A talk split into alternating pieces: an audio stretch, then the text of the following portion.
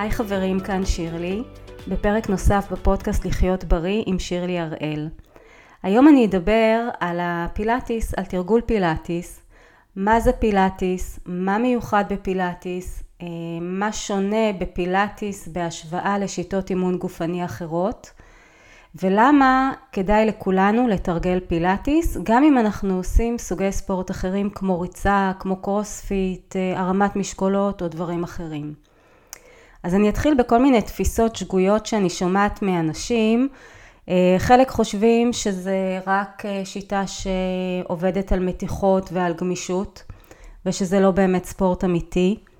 חלק מכירים את הציוד, את המיטות של פילאטיס, אה, שנקראות, המיטה של הפילאטיס נקראת רפורמר, וזה נראה להם מסוכן, או שזה נראה להם משהו מאוד מאוד מסורבל, והם לא מבינים מה המיוחד במיטה הזו כל כך. אה, ויש כאלה שרואים מהצד שיעור פילאטיס ולא מבינים מה האישו בכלל. השיעור נראה קל, נראה פשוט, לא מאתגר. מה, מה כל העילה הזאת שיש סביב פילאטיס? אה, אז האמת היא שכל התפיסות האלה מאוד מאוד שגויות, ממש רחוקות מהאמת. אה, אני אשתף בסיפור האישי שלי. אה, והוא לגמרי לא ייחודי לי, אני שמעתי אותו מעוד אנשים. אני שנים התאמנתי בשיעורי עיצוב, פעמיים בשבוע במשך שנים, ובנוסף עוד עשיתי אה, תקופות שעשיתי ריצה או הליכה או שיעורים אירוביים. והתפיסה שלי את עצמי הייתה כבן אדם עם כושר גופני טוב, ובחורה חזקה. ובאמת הגעתי לשיעור פילאטיס, ולא הבנתי מה, מה כל כך קשה לי. כלומר, אני זוכרת שממש נדהמתי במהלך השיעור עצמו, לא הבנתי, זה נראה, נראו דברים כל כך פשוטים, ובכל זאת היה לי מאוד מאוד קשה. אה, מאוחר יותר, כשהתאמנתי כבר בפילאטיס מכשירים, אותו דבר, אותה תחושה, הייתי בטוחה ש, שהגוף שלי חזק, ואז אני פתאום אה, רואה שהידיים שלי לא כל כך חזקות, הרגליים לא כאלה חזקות כמו שחשבתי. כלומר, התפיסה שלי את עצמי הייתה אה, שגויה למעשה, אה, כש, ונוכחתי לזה, כשנוכחתי בזה כשהתחלתי לתרגל אה, דווקא פילאטיס. אז אני קודם כל רוצה להתחיל בזה שפילאטיס היא שיטה שהיא מאוד בטוחה והיא טובה לכל אחד, כלומר כל אחד יכול לתרגל פילאטיס. יש מצבים שאנחנו ניתן מודיפיקציות שונות, כמו למשל בהיריון, או כל מיני מצבים שמצריכים באמת התייחסות אה, מיוחדת, אבל השיטה היא שיטה מאוד מאוד בטוחה, ויש בה המון המון חוכמה, המון המון חוכמה בשיטה הזאת. אז מה מיוחד בפילאטיס? מה זה פילאטיס? פילאטיס היא שיטה ש... היא שיטת אימון גופני שמחזקת את הגוף. עכשיו היא עובדת המון על שרירי ליבה. אנחנו שומעים הרבה על שרירי ליבה. מה זה שרירי הליבה בעצם של הגוף? בפילאטיס אה, הם קוראים לזה אפילו power house, כלומר זה מרכז הכוח של הגוף, ממנו אה, מבוצעות כל התנועות של הגוף ולכן נותנים לזה אה, חשיבות מאוד מאוד גבוהה. בעצם שרירי הליבה שלנו, אם אני מסתכלת, אה, מסתכלת ממש מקו הצלעות עד קו רצפת האגן, אז אני רואה את שרירי הבטן, את שרירי הגב, השרעפת מלמעלה ושרירי רצפת הגן אה, מתחת. אבל בעצם אה, כשאני מדברת על שרירי ליבה אני מדברת גם על השרירים שמתחברים מחגורת הכתפיים ומהירכיים אל מרכז הגוף. גם הם נחשבים שרירי ליבה. החיזוק של השרירים הוא לא סתם שיטה של חיזוק שרירים כמו שיטות אחרות, אלא אה, הוא נעשה בשילוב עם עקרונות מאוד מאוד מיוחדים לפילאטיס, שאני תכף ארחיב עליהם, וזה מה שנותן לפילאטיס כל כך את האיחוד שלו. השיטה הזאת של פילאטיס בנויה מרצף של תרגילים, במיוחד במזרן, יש לנו פילאטיס מזרן, יש פילאטיס מכשירים. אה, יש ממש קוריאוגרפיה קטנה לכל תרגיל, ואפילו המעברים בין תרגיל לתרגיל הם מיני תרגילים בפני עצמם, ויש להם מטרה. המטרה שלהם היא קודם כל להכין אותנו לתרגילים יותר מתקדמים, ובנוסף הם, מכינים אותנו לכל מיני פעולות שאנחנו עושים ממש ביומיום שלנו. אז אני רוצה קודם כל להציג את, ה... את האיש שהגה את השיטה הזו, ג'וזף פילאטיס. אני אתן ממש בקצרה כי זה די מעניין לשמוע ככה את הרקע. אה, ג'וזף פילאטיס נולד בגרמניה, וכשהוא היה ילד הוא היה ילד די חולני. הוא סבל מאסתמה, הוא סבל ממחלות טראומטיות, אבל כבר כילד היה לו חשוב לחזק את הגוף שלו. היה לו חשוב אה, להתגבר על המחלות, ואז הוא התחיל להתאמן בפיתוח הגוף, בסקי, בצלילה, בהתעמלות, וככה לאט לאט הוא התחזק. אה, הוא מאוד היה מושפע גם מתורות מזרחיות וגם מתורות מערביות, ובאמת אפשר לראות את ההשפעות האלה אה, בשיטה שהוא פיתח.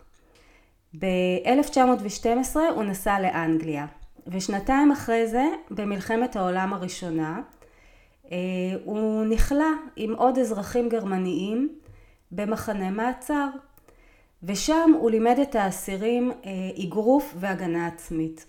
בעצם היה לו מאוד מאוד חשוב אה, להשקיע הרבה בגוף אה, כדי באמת להתגבר ולצאת מהמעצר אה, כשהם יותר בריאים והם חזקים.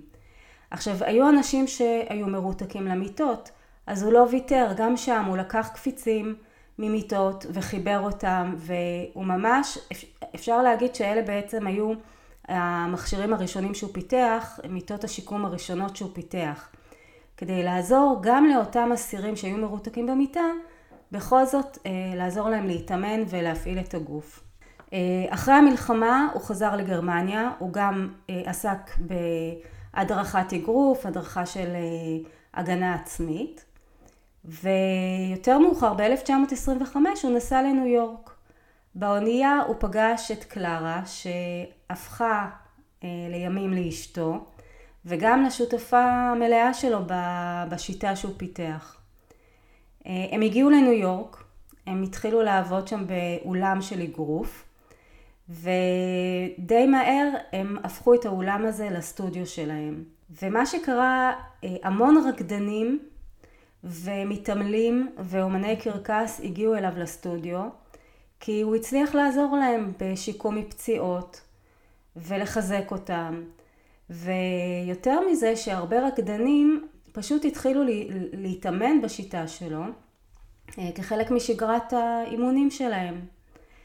אה, ומה שיפה זה שממש הדור הראשון של מורי פילאטיס הם היו אותם תלמידים שלו, אותם רקדנים למעשה, שהתאמנו אצלו בסטודיו ובתמורה לימדו אה, את השיטה, העבירו את השיטה הלאה לאנשים אחרים שבאו להתאמן.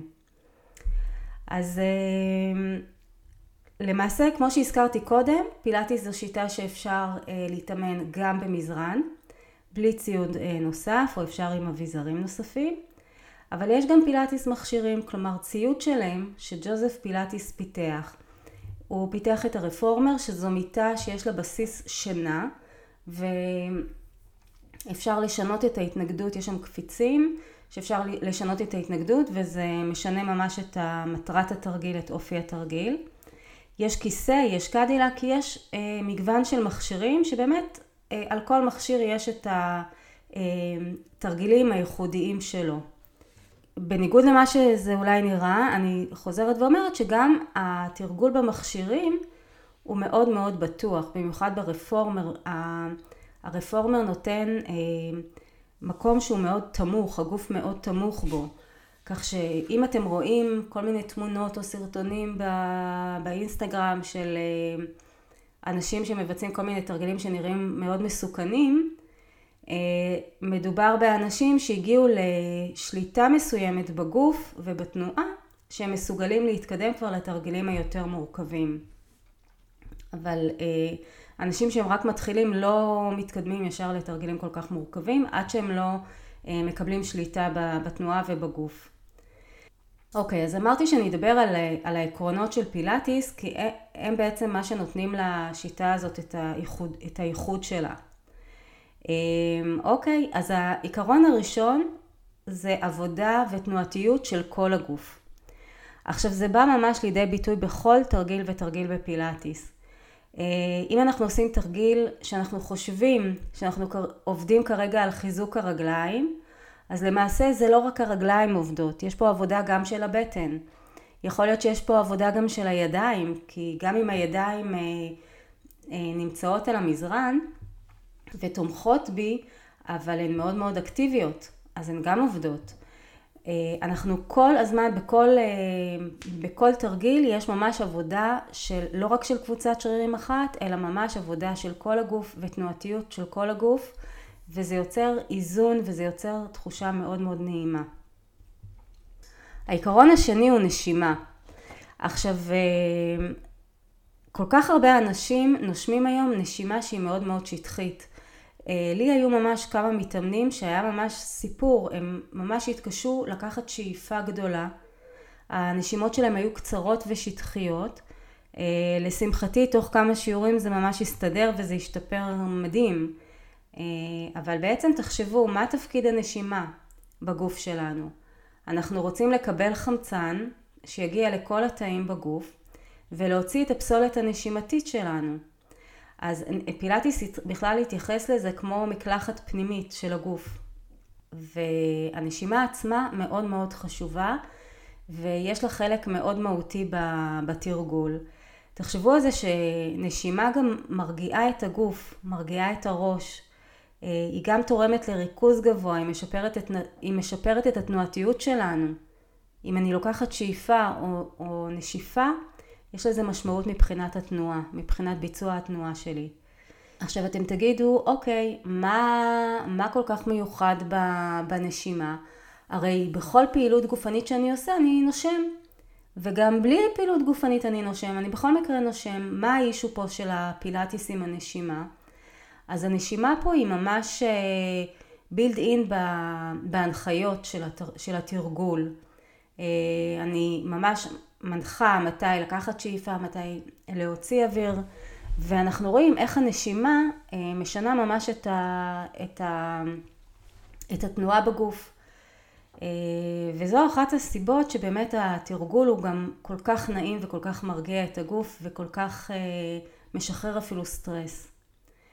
אה, עוד עיקרון נוסף של פילאטיס הוא ריכוז, דיוק ושליטה.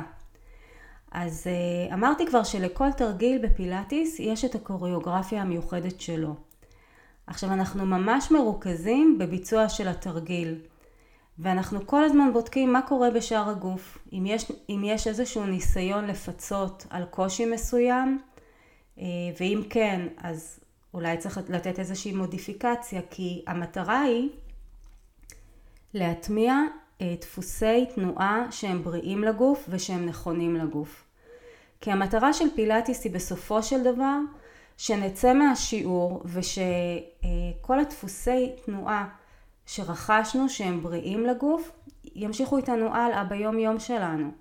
וככל שאנחנו נרכוש דפוסי תנועה שהם בריאים ונכונים לגוף, התנועות שלנו בפעולות היומיומיות שאנחנו עושים יהיו יותר חסכוניות באנרגיה ויהיו יותר אה, בריאות לגוף. אז אה, אנחנו כל הזמן מתרכזים בתרגיל, בקוריאוגרפיה, בנשימה, מדייקים את התנועה, בודקים מה עובד, מה לא עובד, מה צריך לשנות.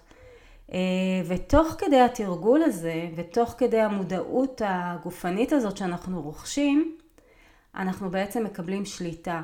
שליטה בתנועה, ושליטה בגוף, ו, וזה דבר שנבנה וממש רואים אה, שיפור מדהים, ממש, גם משיעור לשיעור וכל החוויה של התרגיל קטנה עם הזמן. אותו תרגיל אפשר לעשות גם בדרגות קושי שונות, אבל גם אם עשינו באותה אה, דרגת קושי, אנחנו כל פעם מדייקים והחוויה היא שונה לגמרי בסופו של דבר. אני אתן סתם סיפור ש... של מתאמן שלי שרגיל להתאמן גם בחדר כושר. ואחרי כמה חודשים שהוא תרגל פילאטיס הוא פתאום מספר תקשיבי אני הולך לחדר כושר ואני נדהם איזה דברים מסוכנים אנשים עושים. איך הם מחזיקים את הגוף כשהם מרימים משקולות? עכשיו אני בטוחה שגם הוא עשה את אותם דברים מסוכנים לפני שהוא תרגל את הפילאטיס פשוט לא הייתה לו את המודעות אבל זה בדיוק מה שמקבלים כשאנחנו עובדים בפילאטיס. אנחנו אה, מודעים יותר לתנועה הנכונה של הגוף, יודעים אה, מה עובד, מה אמור לעבוד, איזה שרירים אמורים לעבוד, איך אני אמור לגשת לביצוע תרגילים מסוימים, ואז אפילו אם אני עושה סוגי ספורט אחרים כמו הרמת משקולות בחדר כושר או ריצה, הגוף שלי כבר יותר חזק, כבר יותר גמיש ויש לי מודעות לעבודה נכונה עם הגוף. אה, עיקרון נוסף הוא עבודה ממרכז הגוף. כבר דיברתי קודם על הנושא של הפאוור האוס, ש... של כל נושא של שרירי הליבה שמאוד מאוד אה, עובדים עליו חזק אה, בפילאטיס. עכשיו, שוב, יש תפיסה שגויה שפילאטיס מאוד מאוד עובד על שרירי בטן. נכון, הוא עובד מאוד על שרירי בטן, אבל הוא לא עובד רק על שרירי בטן, כי שרירי הבטן הם חלק משרירי הליבה. אז הוא לא יעבוד רק על שרירי בטן. אתם לא תראו בפילאטיס שעושים כל הזמן כפיפות בטן ופלנקים. לא. עושים גם את זה, אבל עושים עוד דברים אחרים בצורה מאוזנת. זה לא שאני עכשיו עובדת רק על חיזוק הבטן ומזניחה את שאר הגוף. לא. הכל עובד ביחד בצורה סימולטנית. אה, יש סדר לתרגילים ועובדים ממש על כל השרירים של הגוף. עוד עיקרון נוסף בפילאטיס הוא קצב וזרימה. אה, יכול להיות שכל מה שדיברתי קודם על נושא של ריכוז ודיוק ושליטה בתנועה נשמע מאוד מאוד נוקשה, אבל זה בדיוק ההפך. השיעור, שיעור פילאטיס יש לו קצב והוא זורם והוא נעים והוא כיפי והוא עובר מהר. אה, למה? כי אנחנו אה, כל הזמן מרוכזים בקוריאוגרפיות, בתרגילים השונים, השונים. אנחנו מתרכזים בנשימה, אנחנו כל הזמן בודקים מה, מה עושים, איך הגוף מגיב. מדייקים את התנועות. יש קצב, יש קצב אה, לשיעור והוא מאוד מאוד נעים, הוא עובר מהר מאוד, אנחנו לא, לא, לא, לא מבינים כמה, כמה הוא עובר מהר וזה ממש כיף גם לראות כל הזמן את ההתקדמות שלנו משיעור לשיעור. העיקרון הנוסף הוא התפתחות שרירים מאוזנת וזה גם תורם ליציבה טובה יותר. אז דיברתי על זה ש, שפילאטיס לא עובד רק על קבוצת שרירים מסוימת, אלא הוא עובד כל הזמן, יש פה תנועתיות ועבודה על כל השרירים של הגוף. עכשיו, אני מחזקת מצד אחד את השרירים, מצד שני אני גם מותחת, אני גם אה, עובדת על גמישות, וזה בילד אין בתוך הרפרטואר של התרגילים, כלומר זה לא שאני עובדת עכשיו על חיזוק, אני אעשה המון המון אה, תרגילים לישבן או כפיפות בטן, ואז אני צריכה לעשות מתיחה. לא. המתיחות הן בילד אין בתוך התרגילים. אם אני עובדת נניח על, על אה, תרגיל בטן, נניח מי שמכיר את הסיזרס, אז אני עובדת על הבטן ותוך כדי זה אני גם מותחת את הרגליים אה, האחוריות שלי. אז יש פה ממש בתוך התרגיל עצמו, גם אה, בתוך התרגול אני מחזקת קבוצות שרירים מסוימות ומותחת קבוצות שרירים אחרות. ושוב, המתיחה היא נעשית בצורה אקטיבית, לא בצורה פסיבית. כלומר, תוך כדי המתיחה אני גם מחזקת את השרירים, לא רק, אה, לא רק מותחת בצורה פסיבית. אמרתי בתחילת הפרק שכל אחד לדעתי, כל אחד צריך לעשות פילאטיס, לתרגל פילאטיס, ולמה? כי פילאטיס נותן לנו בסיס טוב. עכשיו אני לא אומרת שפילאטיס הוא הפעילות היחידה שאנחנו צריכים לעשות, ממש לא. ולהפך אני בטוחה ששמעתם אותי בפרקים קודמים שהסברתי איזה סוגי ספורט אנחנו צריכים לעשות במיוחד ככל שאנחנו מתבגרים. אבל פילאטיס נותן לנו בסיס טוב, הוא מחזק לנו את הגוף, הוא מגמיש אותו ו... ואז הוא מאפשר לנו גם עבודה יותר טובה וביצועים יותר טובים גם בסוגי הספורט האחרים, אפילו בקרוספיט, בריצה, בכל מה שתרצו. יתרון נוסף שיש לפילאטיס שהוא מאוד מאוד תורם לבריאות של הגב ולבריאות המפרקים שלנו. אני בטוחה ששמעתם אנשים שסיפרו שסבלו מפריצת גב, מפריצת דיסק, סליחה, מפריצת דיסק בגב או מכאבי גב אה, והרופא המליץ להם על אה, לעשות פילאטיס. למה? כי פילאטיס שם דגש מאוד על התנועתיות של עמוד השדרה ועל התארכות של, של עמוד השדרה. עכשיו מה זה אומר? ג'וזף פילטיס נתן ממש דגש על, ה, על התנועתיות של עמוד השדרה בכל הטווחים שהוא אמור לנוע בהם. לא רק את זה, הוא גם אמר שאם אתה אדם בן 30 ויש לך עמוד שדרה שהוא נוקשה, אז אתה בעצם אדם זקן. ואם אתה אדם בן 60 עם עמוד שדרה שהוא נע בכל הטווחים שהוא אמור לנוע בהם, אתה אדם צעיר. עד כדי כך ותראו, תנסו לחשוב עד כמה זה נכון. תחשבו על מצב שהיה לכם אה, איזשהו כאב או בגב או בכתף, איזשהו כאב או דלקת במקום מסוים, ואז כדי להימנע מהכאב אנחנו בדרך כלל מניעים פחות את אותו המפרק, ואז אנחנו הופכים להיות יותר ויותר נוקשים. ובעצם זה מה שפוגע, זה, זה אחד הדברים שפוגעים לנו באיכות החיים. לעומת מצב שאנחנו ממש מניעים, נעים בכל טווח התנועה שלנו, ואז אנחנו מרגישים הרבה יותר כלילים, הרבה יותר אה, חיוניים, הרבה יותר עם, עם רמת אנרגיה מאוד מאוד גבוהה. אז פילאטיס, בפילאטיס, אנחנו שמים דגש על תנועתיות של עמוד השדרה אה, בכל הטווחים שהוא אמור לנוע בהם, ולא סתם על תנועתיות, אלא גם על חיזוק של שרירי הגב, ועל הערכה של עמוד השדרה. עכשיו, מה זה אומר הערכה של עמוד השדרה? בואו נחשוב על, על אה, תרגיל שאני יושבת על המזרן, אני אמורה לשבת בגב ישר עם רגליים פסוקות ברוחב המזרן כשהן ישרות. והגב אמור להיות ישר, הקודקוד הראש אמור להיות למעלה. אני יכולה לשבת בצורה כזאת, אבל הגב שלי יקרוס למטה. כאילו הכתפיים יהיו יותר למטה, אני מאוד מאוד אשתדל להיות, אני הגב כביכול ייראה ישר, אבל למעשה אני לא ממש מתארכת. לעומת מצב באותה ישיבה, כשאני מדגישה לכם ואני אומרת שתדמיינו שהראש הוא כמו בלון הליום.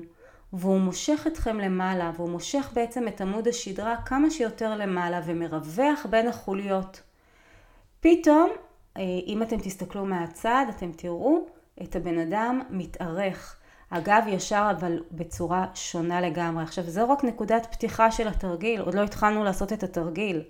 זו רק נקודת הפתיחה, אבל כבר בנקודת הפתיחה יש פה עבודה של זוקפי הגב, יש פה עבודה של הרגליים, זה לא, זה לא דבר פשוט, הישיבה הזאת. אז אה, כל התנועתיות של עמוד השדרה נעשית ממקום הזה של אורך, וזה בעצם הטווחים שהם יותר בטוחים לגוף, ו, ובעצם אה, שומר, נותנים לנו את הדפוסי תנועה שהם בריאים וטובים לגוף. אותו דבר עם שאר המפרקים בגוף. אנחנו מניעים אותם בכל הטווחים שהם אמורים לנוע בהם, ואם אני אמורה לעשות איזושהי תנועה מתוך המפרק, אז אני אדאג שהתנועה תיעשה רק במפרק הזה, ושאר הגוף נשאר יציב. אה, שוב, זה מפתח מודעות, לא כולם אה, מבינים ומודעים לזה שזה, שבעצם תנועה נעשית במפרק מסוים, ולא כל הגוף מצטרף לתנועה ביחד עם ה... נניח אני מסובבת את היד או מסובבת את הרגל, התנועה צריכה להיות של היד או של הרגל, לא של שאר הגוף שמצטרף איתה. אה, ותחשבו על זה, מה זה אומר להניע את ה... למצות את טווחי התנועה במפרקים. מה זה אומר להניע את, ה... את המפרקים? כשאני מניעה את המפרק, אז אה, אני מניעה את, ה... את היד או את הרגל, בעצם המפרק שלי מקבל יותר חומרי הזנה, יותר חמצן, ויש אפשרות יותר להוציא חומרי פסולת משם. אז זה ממש שומר על הבריאות של המפרק, גם מבחינת טווחי תנועה וגם מבחינת אה, חומרי הזנה שהוא מקבל וחומרי פסולת ש, שיוצאים.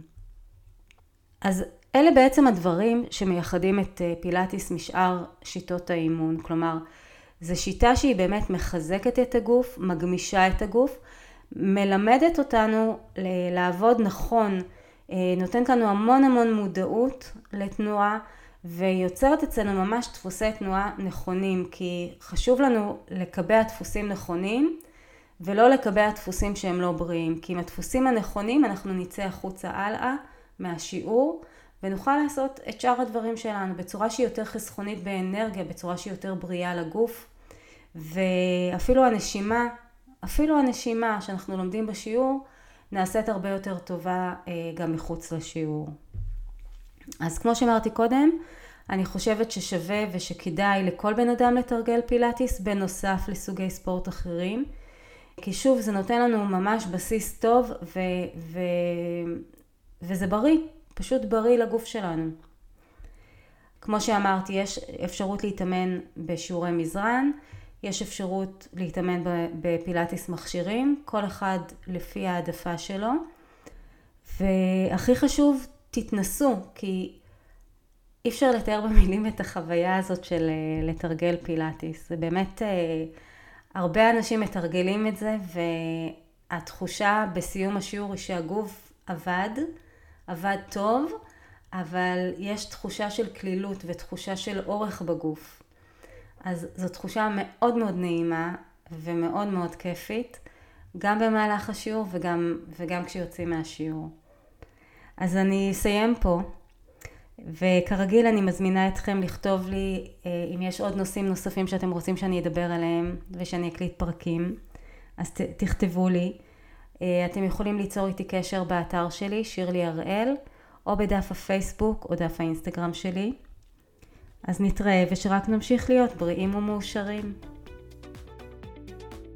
כל האמור בפודקאסט לחיות בריא עם שירלי הראל הוא בגדר מידע כללי בלבד ואינו מהווה טיפול אישי או ייעוץ תזונתי אישי. לפני ביצוע ההמלצות שהובאו בתוכנית, יש להיוועץ ברופא או באיש מקצוע אחר.